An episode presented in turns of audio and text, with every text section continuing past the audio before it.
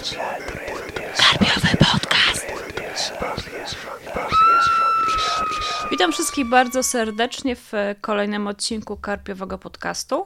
Ja się nazywam Agnieszka Brodzik, a rozmawiać będę dzisiaj z Pawłem Mateją i Michałem Rakowiczem. Chłopaki, przywitajcie się. Cześć, witam wszystkich, witam słuchaczy. Cześć, witam Was, witam wszystkich słuchaczy. Tematem dzisiejszego odcinka jest książka Nawiedzony dom na wzgórzu Shirley Jackson. Od razu musimy rozwiać tutaj pewne wątpliwości. Pod takim tytułem, bliższym oryginałowi, który brzmi Haunting of Hill House, ukaże się wznowienie kultowej już powieści Jackson, które prawdopodobnie znacie jako nawiedzonego. Zaznaczę też, że to wznowienie w starym tłumaczeniu autorstwa Marii Strzeszewskiej-Halap. Książka ma się ukazać już za kilka dni, bo w walentynki, a na marzec replika zaplanowała też kolejne wznowienie. Tym razem będzie to Zawsze mieszkałyśmy w zamku. Jeśli zastanawiacie się skąd to nagłe zainteresowanie Shirley i jej twórczością, to tak, dobrze się domyślacie, będą ekranizacje. Nawiedzony ma się ukazać na jesieni w platformie Netflix jako serial, zaś Zawsze mieszkałyśmy w zamku jako film ma mieć premierę jeszcze w tym roku, ale tutaj nie udało mi się dokopać do żadnych bardziej szczegółowych dat. Wróćmy jednak do Shirley. Urodziła się w 1916 roku i zmarła bardzo wcześnie, bo jeszcze przed pięćdziesiątką w 1965 roku, sześć lat po ukazaniu się nawiedzonego domu na wzgórzu. Zmarła we śnie i nie wiadomo właściwie na co zmarła, z jakiego powodu nie wykonano sekcji. Mówi się, że mogło to być nawet samobójstwo, ponieważ Shirley pod koniec swojego życia zmagała się z wieloma problemami, które prawdopodobnie rzutowały też na kształt między innymi nawiedzonego. Miała depresję, agorafobię i zmagała się też z otyłością, którą z kolei le leczyła, leczyła w cudzysłowie pochodnymi amfetaminy. Twórczość Shirley jest różnorodna, co zresztą często wprawiało krytyków w konsternację. Z jednej strony zasłynęła jako autorka horroru o nawiedzonym domu, a z drugiej pisała ciepłe opowieści o swojej rodzinie, życie pośród dzikusów i kolejne części, a nawet, uwaga, rady dla gospodyń domowych. Choć te tworzyła z takim przekąsem i dość ironicznie z dystansem, no i tylko wtedy, gdy potrzebowała pieniędzy. W jednej z recenzji nawiedzonego autor śmieje się z Shirley, że wreszcie oderwała się od dzieci i napisała horror. Nawiedzony dom na wzgórzu to historia Eleanor Vance, zahukanej i neurotycznej kobiety ze zdolnościami parapsychicznymi, która swą młodość spędziła na opiekowaniu się chorą matką. Eleanor odpowiada na list od człowieka zajmującego się badaniem tytułowego nawiedzonego domu na wzgórzu i jedzie spędzić tam wakacje wraz z trzema innymi osobami, telepatką Teodorą, członkiem rodziny właścicieli domu, Lukiem, a także prowadzącym wspomniane badania, czyli doktorem Montagiem. Nawiedzony cieszy się statusem powieści kultowej i w związku z tym zacznę od takiego ogólnego pytania do Was. Czy to Wasze pierwsze spotkanie z tą powieścią? Ja właśnie nie znałem wcześniej i chciałem już od, od, paru lat jakoś po tę książkę sięgnąć, y, no ale jakoś mi to nie wychodziło i wydaje mi się, że nie umiałem jej znaleźć w ogóle na jakichś tam sensownych aukcjach na Allegro. Nie wiem dlaczego mi się tak wydaje. I to, to był jeden z powodów, dla których jakoś do tej pory po nią nie sięgnąłem. I tak, tak w zasadzie już od paru lat czułem, że to taki kurczę duży wyrzut sumienia. No i bardzo się cieszę, że w końcu jakoś udało się. Znaczy, że w ogóle ktoś to wznowi, bo to jest, no, no szczerze mówiąc, w takim zalewie książek, jaki cały czas mimo wszystko jest, czy to jakichś starych, nowych, mm, trudno czasem sięgnąć po jakąś taką klasykę tak od samemu z siebie, bo jest kupa jakichś nowości, po, po, które wydaje mi się mieć priorytet. Także super, że jest to teraz wznawiane. Zresztą mam wrażenie, że takich książek y, typ, z, z, takiej kategorii wypadałoby znać, to jest bardzo dużo. Mhm. I jakby tak człowiek chciał naprawdę wszystkie przeczytać, to by chyba życia nie starczyło. Ale faktycznie Nawiedzone też był takim moim wyrzutem sumienia przez wiele lat. E, I, ale muszę przyznać, że tak nigdy nie patrzyłam bliżej na twórczość Shirley Jackson. Bardzo tego żałuję, bo od kilku dni po prostu na, na, nałogowo czytam wszystko, co mi wejdzie w ręce. Przeczytałam już kilka opowiadań, dwie, dwie powieści, zaczęłam trzecią, zaczęłam jej biografię i w ogóle coś tam jeszcze. Ale zawsze myślałam, że nawiedzone to wiecie, taka, no taka nie wiem, tak jakoś zawsze stawiałam Shirley między, nie wiem, Herberta e, i tych takich kultowych pisarzy e, grozy, a ona zupełnie, zupełnie coś innego pisała i byłam mega zaskoczona w ogóle tą książką. A ty, Jerry? Znaczy ja czytałem książkę e, Shirley Jackson, o której dzisiaj mówimy, bo to jest poza tam paroma opowiadaniami jedyna rzecz, której, którą ja czytałem tej autorki no już ładnych parę lat temu. E, to było wydane, już nie pamiętam kto dokładnie to wydawał w ramach takiej serii, gdzie tam też Lovecrafty były wydawane, Kodża. E, no, ogólnie to, mhm. to był taki dobry okres e, w ładnych takich okładkach spójnych i tak dalej, i tak dalej.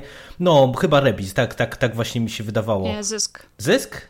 A no to widzisz, no to już mi się to pląta, ale pamiętam, że oni mieli taki rzut, że bardzo dużo e, takich no, dosyć istotnych i ciekawych książek z gatunku prezentowali, bo tam była też Anne Rice, była właśnie Kodża, była e, Shirley Jackson i tak dalej, i tak dalej.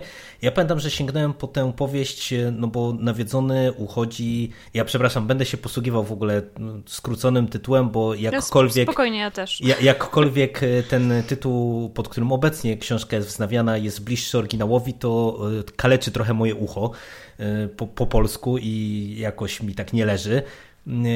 I kiedy sięgałem po nawiedzonego, to mi się wydawało, że to jest e, z jednej strony, wiadomo, taka żelazna klasyka, e, ale wydawało mi się, że to może być powieść, która jest trochę zakurzona. I największym szokiem dla mnie osobiście, poza tym, że e, cała książka okazała się rewelacyjna, to było właśnie to, że w sumie jak na metryczkę, bo to jest 59 rok, e, czyli no to już jest ładny szmat czasu, e, jeżeli chodzi o horror literacki, to ta powieść wydaje mi się nowoczesna, e, wręcz bym powiedział.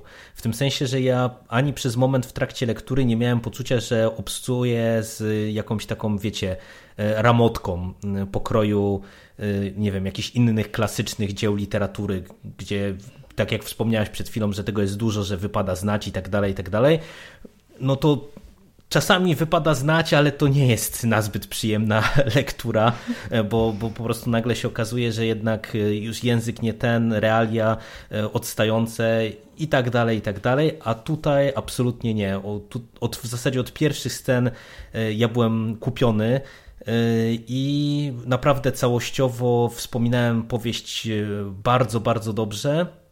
Trochę się z tego względu bałem powrotu, no bo wiecie jak to jest, jak się czytało coś za gówniarza, za przeproszeniem, no to później powrót y, no, czasem bywa traumatyczny, bo nagle się okazuje, że jednak, nie wiem, trochę się zmieniła nasza percepcja, trochę więcej wiemy, y, przeczytaliśmy, obejrzeliśmy i może to już nie być tak dobre, no a tu się okazało, że jest tak dobre i naprawdę ta y, ikoniczność nawiedzonego jako takiego horroru o nawiedzonym miejscu totalnego prawie, że, no bo to wydaje mi się, że w tej literaturze anglosaskiej, no to naprawdę nawiedzony to jest ta, ta książka, ta jedyna książka o nawiedzonym domu, do której wszyscy się porównują. To pamiętam, że w Dance Macabre King też o tym pisał właśnie, że to mm, dla y, pisarzy amerykańskich i, i y, nie tylko, no to, to jest właśnie taka powieść, która jest jakimś wzorcem po prostu, jeżeli chodzi o tę konwencję konkretną.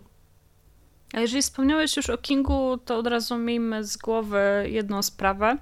E, może fanów Kinga zainteresuje fakt, że dość wyraźnie nawiązuje w Carrie e, do nawiedzonego. E, nie wiem, czy zwróciliście uwagę, że ten deszcz kamieni, który, mm, który się wydarzył w dzieciństwie Carrie, Kojarzycie, mhm. prawda? Mm -hmm. Tak. E, to jest, e, to jest pomysł Shirley, która mm, opisała taki deszcz kamieni w życiu Eleanor i to był właśnie powód, dla którego e, doktor Montag, przepraszam, jeżeli źle wymawiam to nazwisko, nie, nie znam francuskiego, doktor Montag zaprosił Eleanor do domu na wzgórzu.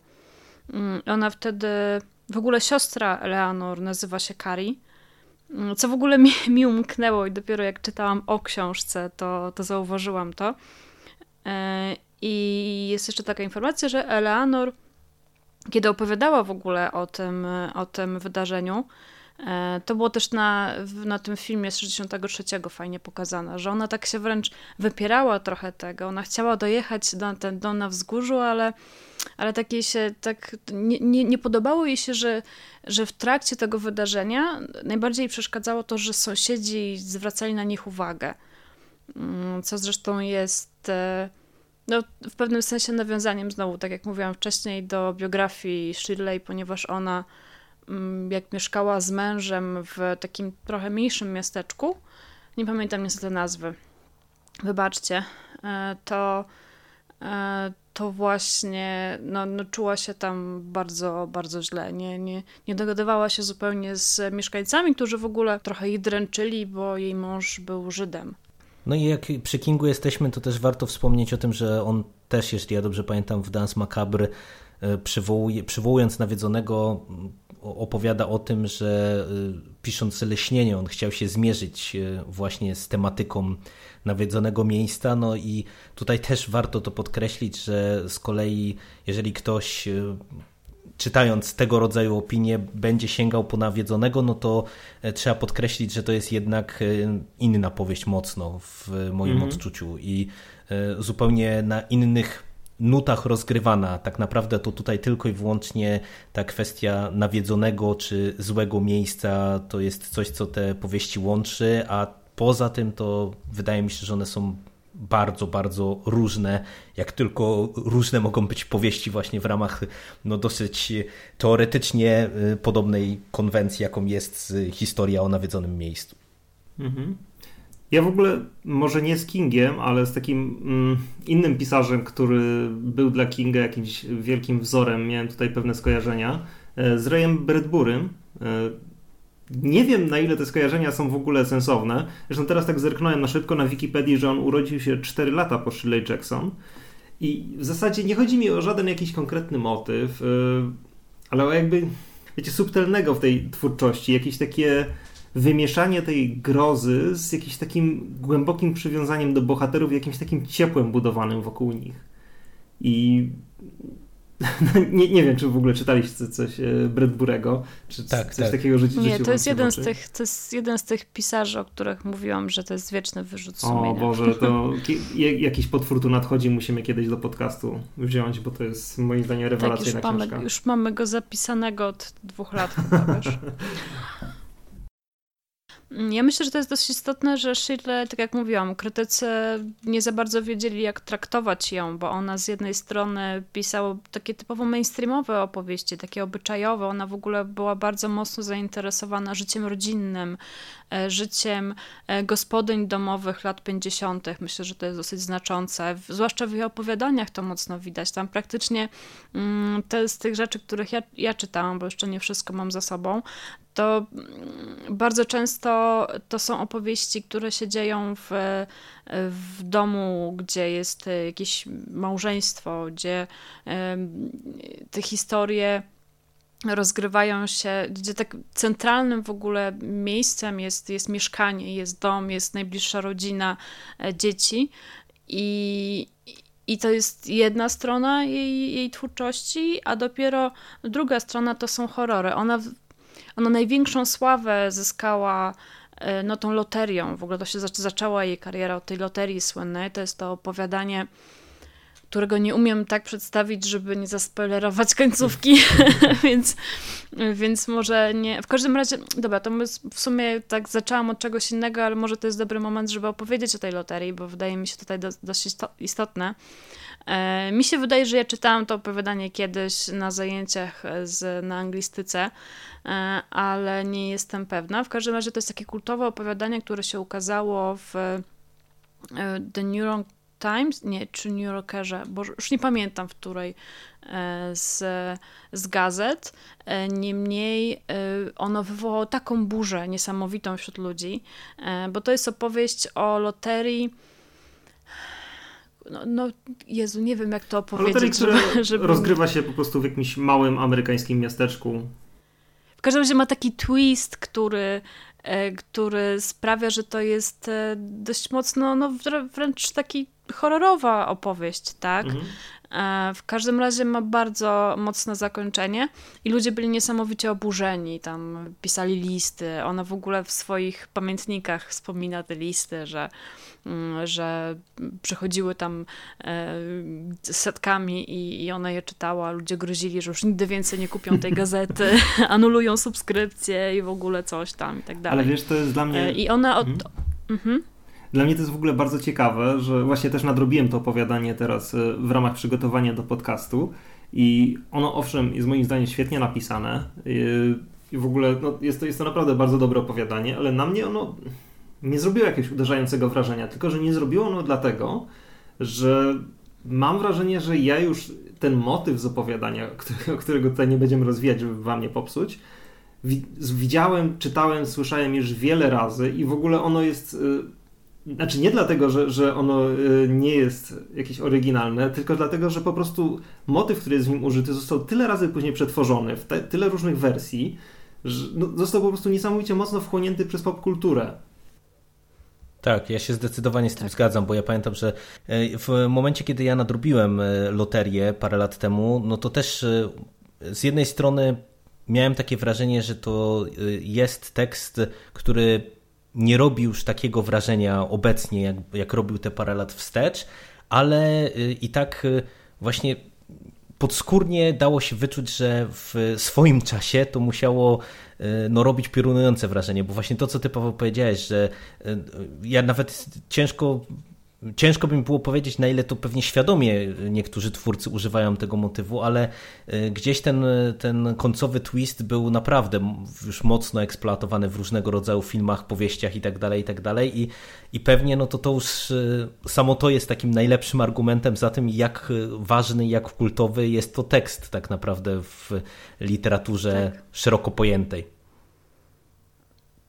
To jeszcze może wrócę do tego, od czego zaczęłam historię o loterii, żeby taką klamrą e, spiąć e, tę wypowiedź, bo chciałam nawiązać ogólnie do tego, co o Shirley Jackson powiedział e, Joshi, ten słynny Joshi, badacz Lovecrafta, że on, on powiedział, znaczy napisał um, takie dla mnie bardzo znaczące słowa, że Shirley często zatrzymuje się o dwa kroki przed weird fiction. Dlatego ja ci, Paweł, kazałam, kazałam przeczytać jej opowiadania, dlatego że, e, tak jak mówię, ona łączy z jednej strony takie opowi ciepłe opowieści o domu mm, z, z czymś bardziej horrorowym i dlatego krytycy zawsze... Ona była tak zbyt mainstreamowa dla fanów horroru, bo jednak Nawiedzony nie jest takim, wiecie, horrorem, gdzie jest łubu i na końcu wszyscy umierają, tak?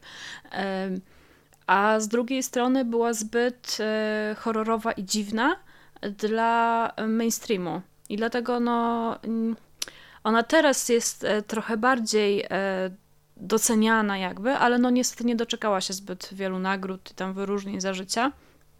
Mm, zresztą może, może za krótko pożyła. Dobra, to, to był smutny żart. E, w każdym razie ona w opowiadaniach to bardzo dobrze widać, bo one łączą z jednej strony właśnie te opowieści o domu, o, mm, o cieple takim, o ognisku domowym, ale zawsze mają jakiś taki, jeżeli nie taki otwarty twist, to po prostu czujesz podskórnie, że coś jest nie tak, że jest jakiś niepokój, że ciągle ona to, to zresztą bardzo do, wyraźnie się łączy z tym, z tym jej życiem, że ona z jednej strony bardzo kochała swoje dzieci, bardzo e, no, chciała być dobrą matką i tak dalej, ale z drugiej strony, no tak jak mówiłam, no, ciążyło to, to na niej, no, miała problemy z agorafobią, miała problemy z mężem, który ją zdradzał ze studentkami, e, czuła się Czuła się źle w tym miejscu, w którym mieszkała, w tym miasteczku, e, gdzie cierpieli na ostracyzm. E, w ogóle ona miała bardzo złe stosunki z matką, o czym też wspomnimy, bo to jest istotne w, w jej twórczości. I, I to po prostu wyłazi w jej tekstach. I dlatego tak strasznie mi się podobało te jej opowiadania. Mhm. Ale jeszcze polecałaś mi opowiadanie e, The Renegade, o którym nie wiem, czy będziemy tu jakoś szerzej rozmawiać. To mi polecałaś, nie? Renegade. A to było o czym? E, o psie, który tam zagryzł tak. kurczaka. Ojejciu. No, ale wiesz co, Świetne właśnie to, to opowiadanie z tym, znaczy łączy mi się teraz z tym, co przed chwilą mówiłaś o tym, że ona właśnie zatrzymywała się o ten krok przed Weird Fiction i łączy mi się to, to z tym, co yy, mówiłem wcześniej o Bradbury, bo on naprawdę, to znaczy szczególnie w kontekście zbioru Październikowa Kraina, który u nas wyszedł w Bibliotece Grozy, tak trochę nie pasując do tej serii, bo to jednak taka ciut nowsza rzecz, bardzo, bardzo fajnie to koresponduje ze sobą, bo w tym zbiorze też jest sporo tekstów, które często nawet, one są takimi horrorami psychologicznymi, ale na takiej zasadzie, że nie ma tam nic poza jakąś sugestią. I ja nie pamiętam, teraz tak spróbowałem na szybko znaleźć, ale niestety nie znajdę tego tytułu. E, tam było opowiadanie o jakimś młodym małżeństwie, które jechało bodajże przez Meksyk i mm, oglądało, ja teraz dobrze nie pamiętam, jakieś chyba mumie e, no, da, dawno umarłych ludzi. Teraz już nie pamiętam do końca tego opowiadania, ale tam było coś bardzo podobnego do tego Renegade. E, taka jakaś obsesja, która się zasiewa w człowieku i która zaczyna, nie wiem, jakby wprawiać go w szaleństwo. I no, naprawdę, jeśli podobało Ci się to opowiadanie i w ogóle to, jak Shirley pisze w tych opowiadaniach, to ta październikowa kraina od Bradburego mm, na pewno powinna Ci się spodobać. Jest tam może ciut więcej takiej, znaczy dobra, ja tylko z tego zbioru przeczytałem dwa opowiadania. Nie wiem, czy w innych jest więcej fantastyki, E, u Bradburego to jest tak, nie wiem, 50 na 50. Niektóre teksty są bardziej fantastyczne, niektóre mniej, ale w większości one właśnie są, są tą taką grozą, która zatrzymuje się chwilę przed jakimś horrorem czy przed weird fiction. Mhm. Ja myślę, dla dla mnie to nie jest wiesz, coś, e, coś zniechęcającego, że, że, że on się zatrzymuje przed weird fiction. Dla mnie to jest właśnie, dla mnie to jest w ogóle fascynujące, że nie mówiliśmy o tym jeszcze. E, dlaczego Jerry, dlaczego, tak mi się wydaje, dlaczego mówiłeś, że, mm, że się ta książka nie zastarzała? Ja myślę, że po części dlatego, że e, Shirley ma taki styl, że ona ma bardzo subtelny w ogóle sposób e, prowadzenia narracji. Tam nie ma nie ma egzaltacji, nie ma przesady. To, co, to, na co cierpiał horror w tamtych latach i no, w sumie może bardziej w, późniejszych, w późniejszych latach 80., 70., e, czyli to taka straszna przesada e, w opisywaniu tych horrorowych rzeczy, to ona pozostawała taka bardziej mainstreamowa, e, taka bardziej stonowana, a jednocześnie jest mega sugestywna tylko właśnie dzięki tej oszczędności w środkach jest, pozostaje no, rewelacyjnie świeża i właśnie jednocześnie bardzo sugestywna. E, znaczy, Więc... mi, się, mi się wydaje, mhm. że on, ona wręcz troszeczkę wyprzedzała swoje czasy, jeżeli chodzi o podejście pewnie takie gatunkowe, no, czy, czy ten taki no powiedziałbym rozkrok pomiędzy horrorem y, a y, mainstreamem, bo to widać w mojej ocenie chyba na przykładzie ekranizacji. Do ekranizacji kiedyś przejdziemy, ale mamy pół godziny na liczniku i nawet nie doszliśmy o czym opowiada tak naprawdę nawiedzony, więc coś czuję, że w kolejnym odcinku do tego przejdziemy, ale e, do, do jednej kwestii właśnie przy okazji ekranizacji chciałem nawiązać, bo e, jak ja odświeżyłem teraz e, ten nowy film też po latach, to mi się rzuciło w oczy to, że on jest właśnie szalenie też taki no, nowoczesny. To zabrzmi dziwnie jak na film z 63 roku, ale e, pod kątem operowania materią filmową, ale też pod kątem fabuły, rozwiązań fabularnych, to, to jest naprawdę film, który w mojej ocenie mógłby spokojnie powstać teraz, a nie te 50 lat temu. I to też widać nawet e, jak się zestawi e, nawiedzonego czy ekranizację, czy powieść właśnie z książkami z tej konwencji, które powstawały w tamtym okresie, że właśnie jak się spojrzy na e, inne, nie wiem, horrory takie bardziej właśnie idące już w kierunku horroru, no to właśnie to, co ty powiedziałaś, to jest sedno, nie? że one są dużo bardziej takie bezpośrednie, ale przez to no, tracą, one się gorzej starzeją, no bo jednak mhm. nawiedzony jest bardzo mocno oparty tak naprawdę na psychologii, na sugerowaniu czy na rozgrywaniu pewnych elementów które, no, czy one są nadnaturalne, to my tak naprawdę do końca nie jesteśmy w stanie tego stwierdzić. I dzięki temu, dzięki temu, że tak naprawdę tu się wszystko skupia na emocjach, na, na postaciach, na budowaniu relacji pomiędzy postaciami yy, i świetnych opisach, yy, te, tej zewnętrzności, że się tak wyrażę, pokracznie, czyli całego domu i, i okolicy, no to to powoduje, że udaje się uniknąć tego, że nie wiem, czy w powieści, czy w ekranizacji nagle będziemy mieli, wiecie, takiego ducha, jak widzimy nieraz w starych filmach, co będzie nam psuło cały misternie budowany nastrój. No tego tutaj nie uświadczymy, bo to jest po prostu zdecydowanie lepsza warsztatowo i pod kątem pomysłów literatura, wydaje mi się. No ja akurat miałam na myśli konkretnie język, ale masz rację, że, że faktycznie nawet do filmu to się prze, przedarło, aczkolwiek film no, mi się nie podobają te zmiany w filmie, ale dobra, o filmie porozmawiamy może już w następnym odcinku. E, natomiast chciałam, bo ty powiedziałeś, że twoim zdaniem nie do końca wiadomo, czy tam jest coś nadnaturalnego. Ja jestem zdania, że, że nie ma tych wątpliwości, że tak, że tam się dzieje coś nadnaturalnego, a jedyna wątpliwość jest taka, to czy mm, kto wywołuje te nadnaturalne rzeczy. Mhm. E, no, myślę, że taka prosta, znaczy taka narzucająca się raczej interpretacja jest taka, że to jednak Eleanor e, sprawia, że te rzeczy się dzieją, tak jakby pobudza ten dom do robienia tych rzeczy. Mm, niemniej chciałam tutaj zauważyć e, taka istotna sprawa dla mnie, że i to było w ogóle podkreślone też w filmie, że tak naprawdę nie dzieje się nic strasznego.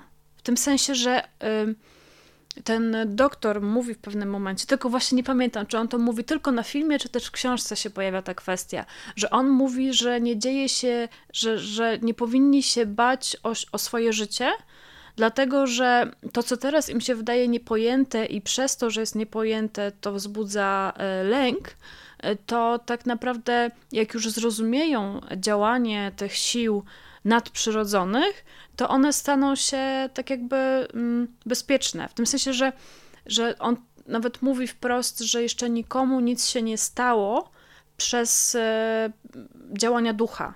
Że my się boimy duchów, bo, bo ich nie rozumiemy, a że duch żaden nie skrzywdził jeszcze człowieka.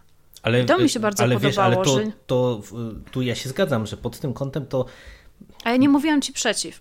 A nie, nie, ja wiem, tylko, tylko no. jakby mi bardziej chodzi o to w tym stwierdzeniu, że tutaj e, nie mamy tego rozegranego jakby wprost. To, to jest kwestia te, związana z tym, że jak się spojrzy na nawiedzonego, no to myślę, że większość e, czytelników, czy, czy widzów, czy w ogóle ludzi, którzy gdzieś tam o książce usłyszeli, to będą mieli w głowie obraz tego, że to jest e, opowieść o duchach, o, o nawiedzonym domu, ale w takim klasycznym stylu.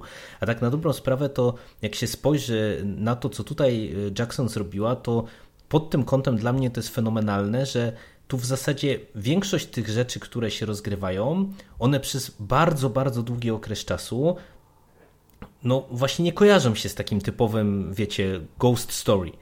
I, I, tutaj nawet. Bo to nie jest typowe ghost story. No właśnie, właśnie o to chodzi, nie? że tutaj tak naprawdę tak. trudno, nie wiem, uświadczyć ducha jako takiego. Nie? To bardziej się rozgrywa na zasadzie rzeczy, które y, wielokrotnie i wiele jest takich sekwencji, które no, mogą być interpretowane tak albo inaczej. No jak wiecie, przecież tutaj mamy do połowy powieści cały czas y, takie granie i z czytelnikiem, i z tymi postaciami, na zasadzie, nie wiem, chociażby tych zamykających się drzwi, gdzie z jednej strony mamy wątek tego, że wszystkie drzwi się samoczynnie zamykają i oni się tam ciągle gubią i tak dalej, ale z drugiej strony przez to, że na przykład y, Jackson kapitalnie zresztą opisuje zagubienie tych postaci w tym domu, poprzez jego dziwaczną konstrukcję i taką odpychającą konstrukcję, no to tak naprawdę to y, ja jako czytelnik, y, tak wiecie, nie do końca y, czuję, czy faktycznie mamy do czynienia z czymś nadnaturalnym, z jakąś siłą, która, która tutaj działa, czy to jest po prostu, nie wiem, wada konstrukcyjna,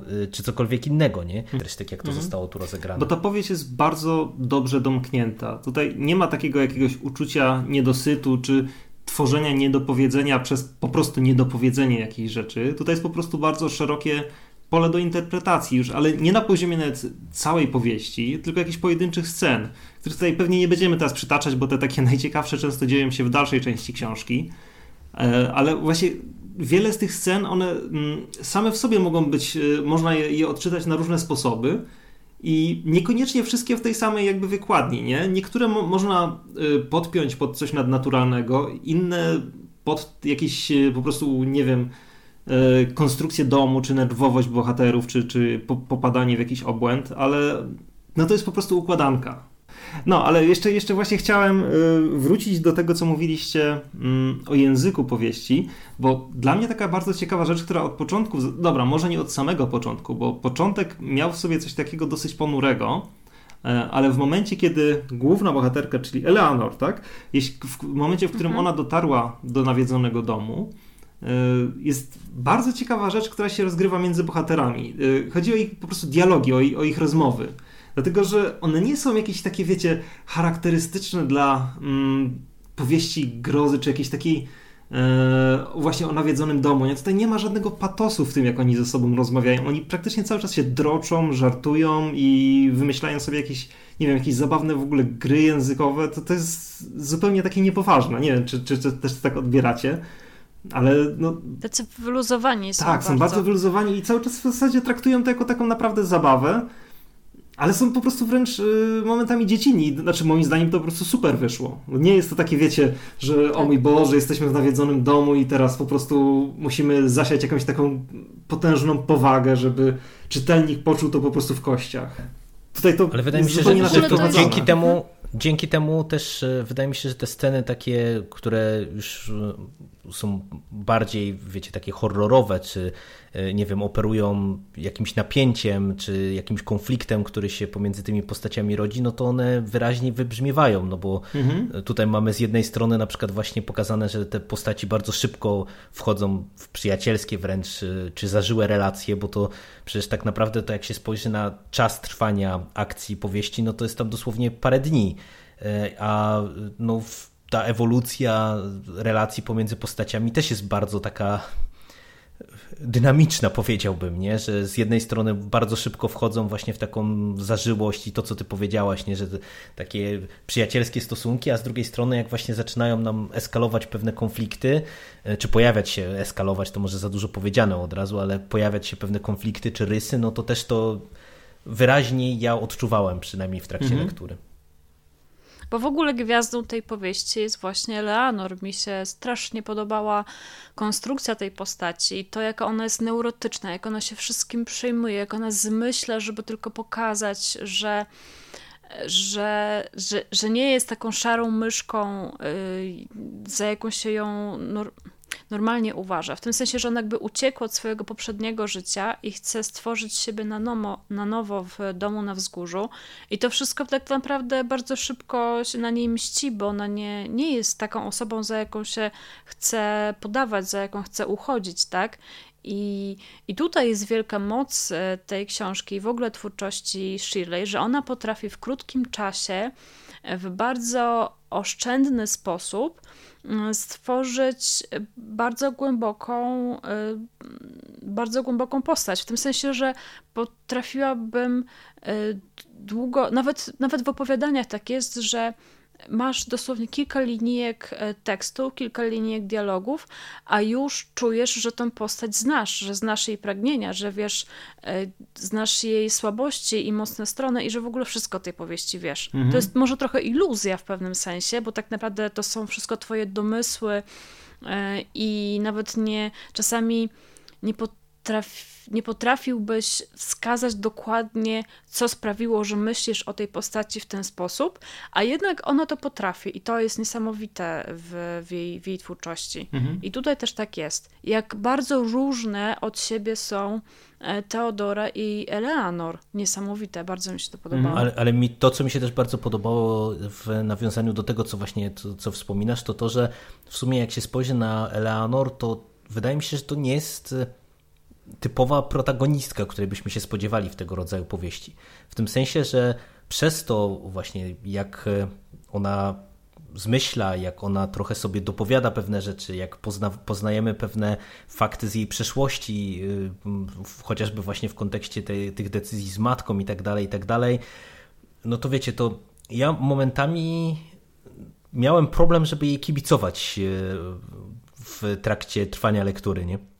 Ale właśnie, bo Shirley nie pisze takich postaci, którym masz kibicować albo nie kibicować. No tak, ale to jest właśnie One fantastyczne. To właśnie tak, o, to, o, to, mi chodzi, tak. że wiesz, że to, to nie są typowi protagoniści w horrorze, nie? No bo jednak y, układ sił e, w literaturze gatunkowej jest co do zasady dosyć jasny. Nie? Że mamy mhm. protagonistów i mamy jakieś tam zło po drugiej stronie. A tutaj w Nawiedzonym tak naprawdę y, tu wszystko jest niejednoznaczne, że te postacie są niejednoznaczne, to najbardziej widać na przykładzie Eleanor, no bo ona jest jednak tą, tak jak powiedziałaś, gwiazdą powieści, wokół niej się ta akcja toczy, e, można powiedzieć, ale te pozostałe postaci też moim zdaniem są bardzo fajne i e, no świetnie to jest rozegrane całościowo w tej książce. Mhm. Co do Eleanor, to w ogóle teraz takie głupie skojarzenie przyszło mi do głowy, które nie ma za bardzo sensu, ale i tak chciałem o nim opowiedzieć. Czytałem parę lat temu Dom na Wyrębach e, Stefana Dardy i czytając teraz Nawiedzony dom na wzgórzu Shirley Jackson można odnieść wrażenie, że przeczytała ona kilka powieści takich jak właśnie Debiut Dardy albo nie wiem, Debiut Grocholi czy coś takiego i stworzyła bohaterkę, która niejako jest nawet nie parodią, tylko jakimś, Jezu, no brakuje mi słowa, jakimś takim po prostu próbą stworzenia o wiele lepszego bohatera niż w takich powieściach, dlatego że tam y, mamy właśnie troszkę podobny schemat, właśnie do tego, do, o tym chciałem opowiedzieć. Tam jest bohater, który chce zerwać ze swoim poprzednim życiem, y, w którym tam wydarzyła mu się jakaś tragedia. No tutaj u Eleanor to jest raz śmierć matki i takie po prostu niezagnieżdżenie w świecie, prawda? Ona nie ma w zasadzie takiego swojego miejsca i jedzie do tego domu na wzgórzu, żeby swoje miejsce znaleźć. I na przykład w debiucie Dardy jest to samo. Też jest bohater, który chce zacząć nowe życie, ale on to robi, wiecie, w taki sposób, e, że w zasadzie, no okej, okay, jest ten dom, w którym coś jest, coś straszy, czy wokół domu, ale on jest super, on znajduje sobie zaraz kochankę, on sobie z wszystkim radzi, remontuje dom i wiecie, i, i po prostu jest taki mega pozytywny. A u Shirley Jackson, no po prostu wszystko jest inaczej. Ona zmyśla, ona tworzy jakieś fantazje, które nie mają nic wspólnego z rzeczywistością i w zasadzie od razu wiemy, że są niemal niemożliwe do zrealizowania. I no, ma, mam wrażenie, że wyprzedziła ona wielu pisarzy całkowicie współczesnych, jeśli chodzi o coś takiego. Acz, acz pewnie jest to troszkę w drugą stronę i to ci pisarze po prostu no, nie doścignęli jeszcze po prostu do, do pewnego poziomu. Ja myślę, że to jest ten moment, kiedy możemy wejść już w spoilery bo, mhm. bo, bo już zaczynamy podawać jednak przykłady i przydałoby się tak. Także oficjalnie tam ostrzegamy przed spoilerami i teraz już nie będziemy się, nie będziemy się hamować. Mm, ja jeszcze chciałam powiedzieć o, o naszej gwieździe Leonor. Właśnie strasznie podobało mi się sposób, w jaki ta jej psychika tak jakby um, upada z czasem, rozpada się zupełnie. Ona się tak, tak strasznie stara, żeby poczuć się w tym domu na wzgórzu, jak u siebie, jak ona tak bardzo chce, żeby ją tam wszyscy lubili, ona tak bardzo chce znaleźć sobie nowe życie e, w tym domu. I kiedy to się wszystko wali i on ewidentnie przeżywa jakieś takie załamanie nerwowe, to w ogóle mm, niesamowicie podobała mi się ta scena, w której tak jakby Shirley sugeruje, że, że, że dom i Eleanor to jest jedno, e, kiedy ona, kiedy Eleanor chodzi w nocy i puka do drzwi. Mhm. Niesamowicie mi się to podobało. No to, to, to było... była chyba najlepsza scena dla mnie w całej książce. Przynajmniej, przynajmniej z tych scen grozy. Kiedy ona słyszy, co się dzieje, znaczy jej się wydaje oczywiście, znaczy oczywiście, to nie ma nic oczywiście, nie ma nic oczywistego w tej książce, ale jej się prawdopodobnie wydaje, że słyszy wszystkie dźwięki w domu, że wiedzie się tam w naj, najmniejszych zakamarkach, co się tam dzieje. E, I bardzo to było sugestywne. E, świetnie rzutowało na te wszystkie rzeczy, które się działy wcześniej. Mm, I też. I też niesamowite jest to, że, na, że, że w momencie, jeżeli ktoś chciał kibicować tej, tej postaci, to, to niesamowicie się rozczarował, bo to widać, że ona po prostu na wszelkich, e, na wszystkich płaszczyznach zalicza upadek, tak?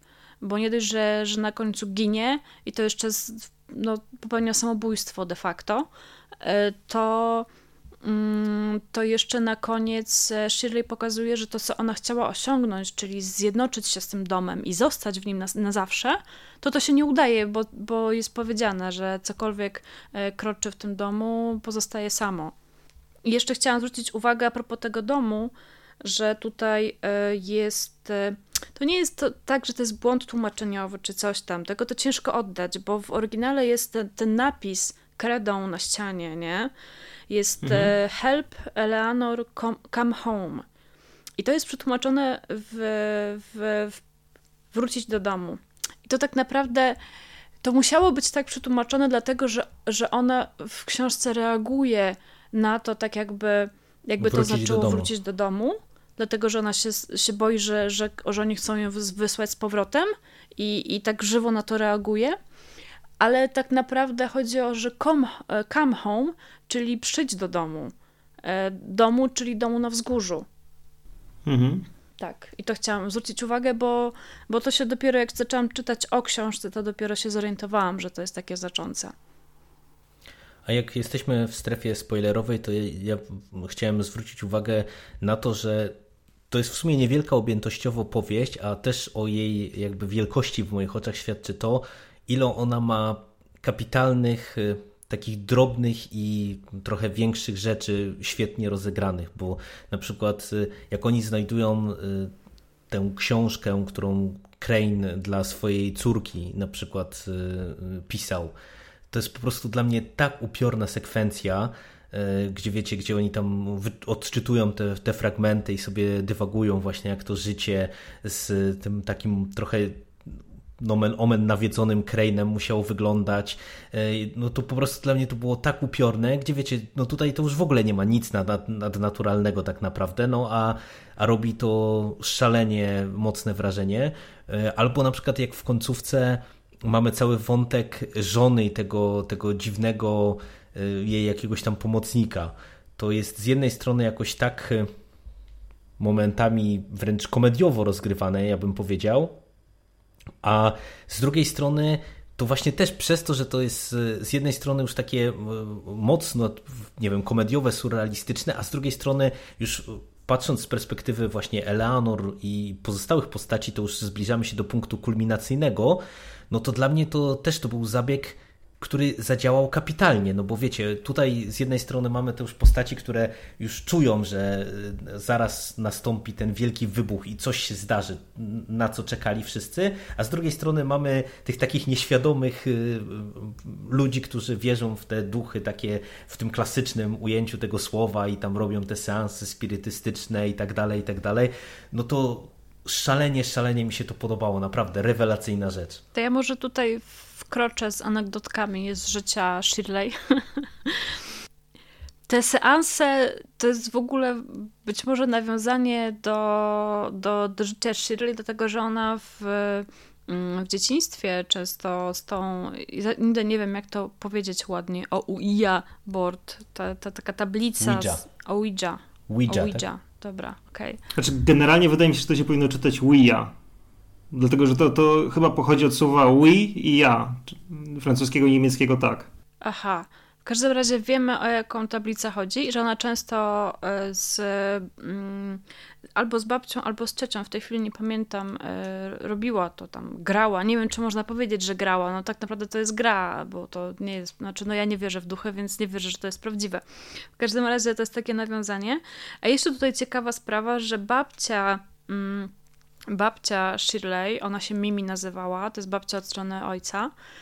Ona w ogóle była y, z wyznania, y, nie wiedziałam o istnieniu tego, Christian Science. Mm, I ludzie wyznający tę wiarę wierzą w to, że świat materialny to jest iluzja i że jeżeli bardzo czego chce, tego, czegoś chcesz i sobie wymodlisz, to jesteś w stanie się uleczyć i tak dalej. I na przykład babcia Mimi twierdziła, że, wy, że wyleczyła się ze złamania nogi, bo przewróciła się, bolała ją noga, przeleżała dwa dni w łóżku i opowiadała potem wszystkich, wszystkim, że miała złamaną nogę, ale w ciągu dwóch dni e, ją wyleczyła modlitwą. I właśnie było powiedziane w biografii Shirley, że Shirley była wkurzona na swoją babcię, że gada takie bzdury, bo tak naprawdę tylko sobie e, zwichnęła kostkę. Albo, że jak Shirley była zła na, na matkę i babkę, za to, że jak jej e, brat, młodszy brat zachorował na zapalenie płuc albo coś innego, nie pamiętam co dokładnie, e, to, to zamiast zabrać do lekarza, to przez jakiś tam czas e, go właśnie leczyły modlitwą. Ale tutaj dodam od razu, że się zemściło, zemściła się ta wiara na tej babci, dlatego że umarła na raka, którego nie leczyła, znaczy le, leczyła modlitwą czyli wiadomo, że nie leczyła. Mm. No. Także taka, taka ciekawostka. W ogóle to znalazłam taką informację i to mi się wydaje, może być ciekawa do rozważenia, że Shirley stwierdziła, że najważniejszym, mm, że kluczową kwestią w tej książce jest ten fragment, kiedy, kiedy Eleanor e, wydaje się, że trzyma czyjąś rękę Teodory, mm. a potem jak się okazuje, że to nie jest Teodora, to tam mówi, że mm, tak się zastanawia, whose hand was I holding? Czyją rękę trzymałam? I że to podobno według Shirley jest tak jakby klucz do, do interpretacji całej książki, że to jest najważniejsza kwestia.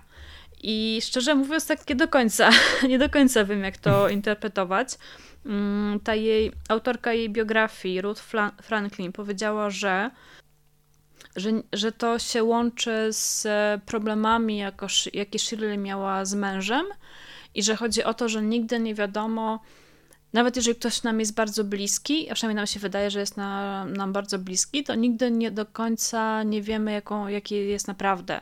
I że to było takie jakby pokazanie tego rozczarowania e, Shirley mężem.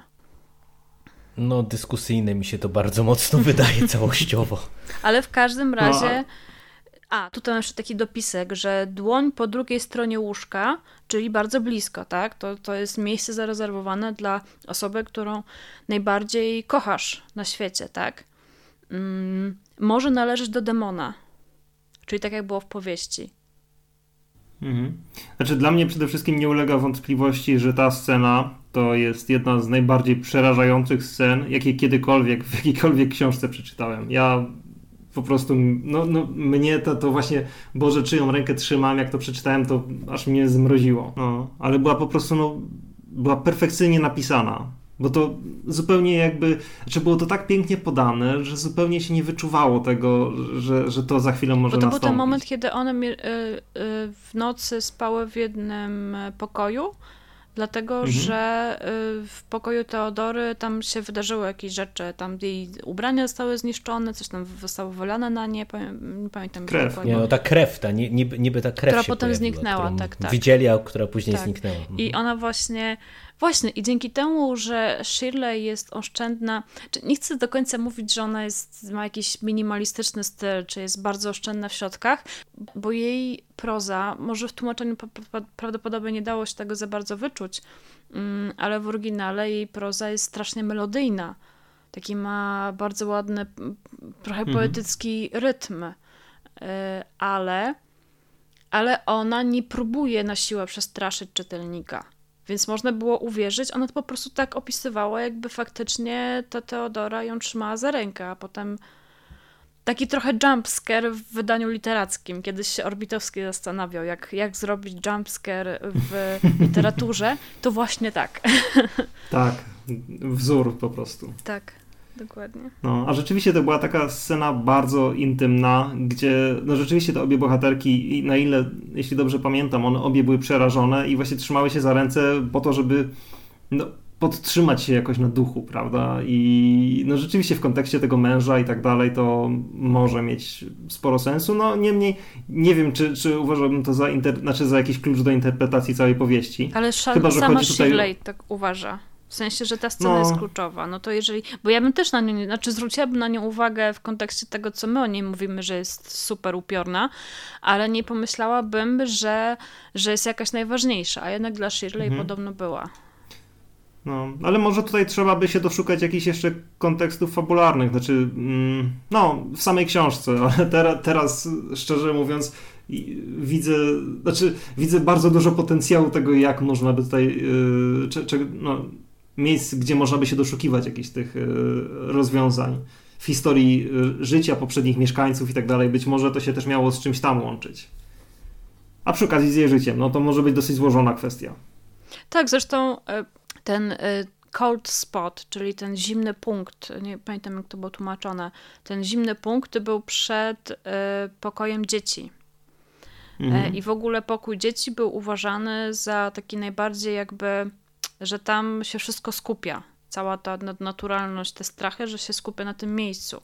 I to był jednak, no i jeszcze ta książka, o której wspominałaś, tak? Ta książka dla córki. Mhm. I to w ogóle też w tej drugiej, tej nowszej ekranizacji Nawiedzonego jest bardzo mocno rozkręcone, że tak powiem, aż do przesady.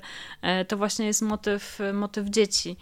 E, I to jest o tyle, no mówię, to się łączy też z życiem, z życiem Shirley, bo ona miała bardzo niefajne stosunki z matką. I tak samo Eleanor ma też z matką przecież. Ta matka no, w pewnym sensie zniszczyła jej życie, tak, tą swoją chorobą, ale no, przez sytuację ma zniszczone życie Eleanor, że, że ta matka zachorowała, ale też matka sama w sobie no, nie była dla niej zbyt dobra i tak samo Shirley. E, I w ogóle Shirley bardzo często się pozbywa e, w swoich e, powieściach matek bo tutaj no, jest e, świeżo po śmierci matki Eleanor, e, a i w ogóle te, te matki, mm, jedna przecież e, ta pierwsza żona Krejna przecież w ogóle umarła nagle tuż przed wjechaniem na teren posesji, czy już na posesji, nie? No a z kolei w zawsze mieszkałyśmy w zamku, no to tam w ogóle już jest otrucie matki i w ogóle rodziców. Ale w, ogóle wydaje mi się, że gdybyśmy chcieli e, tak naprawdę dogłębnie e, wgryźć się w to, powiedzmy, doszukanie się sensu, który, tego, o, o którym wspomina autorka, to moglibyśmy spokojnie bardzo długi podcast nagrać na ten temat. Oczywiście po jakimś dogłębnym przygotowaniu. Tak, a już nagraliśmy godzinę. Ja w ogóle myślę, że już jest moment, żeby kończyć. Jest to na pewno fajny, fajny temat właśnie albo na to, żeby może kiedyś się czegoś takiego faktycznie podjąć, albo podjąć się tego po prostu w jakiejś dyskusji, czy to na, mm, no, na, na jednej z facebookowych grup, czy, czy gdzieś na Carpe Noctem. Jeśli ktoś ma jakieś takie pomysły, to, to, to piszcie. Był taki pomysł ostatnio, nie wiem czy mhm. widziałeś, mhm. na grupie Filipa żeby, żeby no. właśnie wykorzystać nawiedzonego. I powiem ci, że po tym, jak zaczęłam właśnie się doszukiwać w tej biografii i tak dalej, to uważam, że naprawdę można długo dyskutować o tej powieści i to byłby świetny, świetny, świetny pomysł, żeby właśnie akurat, zwłaszcza, że jest krótka, jest kultowa, mhm. jest świetna, jest świetna, jest świetna. I uważam, że tak, że, że można o niej dyskutować bardzo długo. Co widać, minęła godzina, a tak naprawdę Chyba nie przerobiłam jeszcze swoich notatek wszystkich. Ale już może nie mhm. będę ich wszystkich przerabiać. w każdym razie, w każdym razie może już kończmy i, i nagramy jeszcze, jeszcze drugi odcinek o samych ekranizacjach, który już będzie krótszy, bo, bo już aż tak dużo nie ma, nie ma, nie ma do gadania. Mhm. Także cześć. Cześć. Cześć.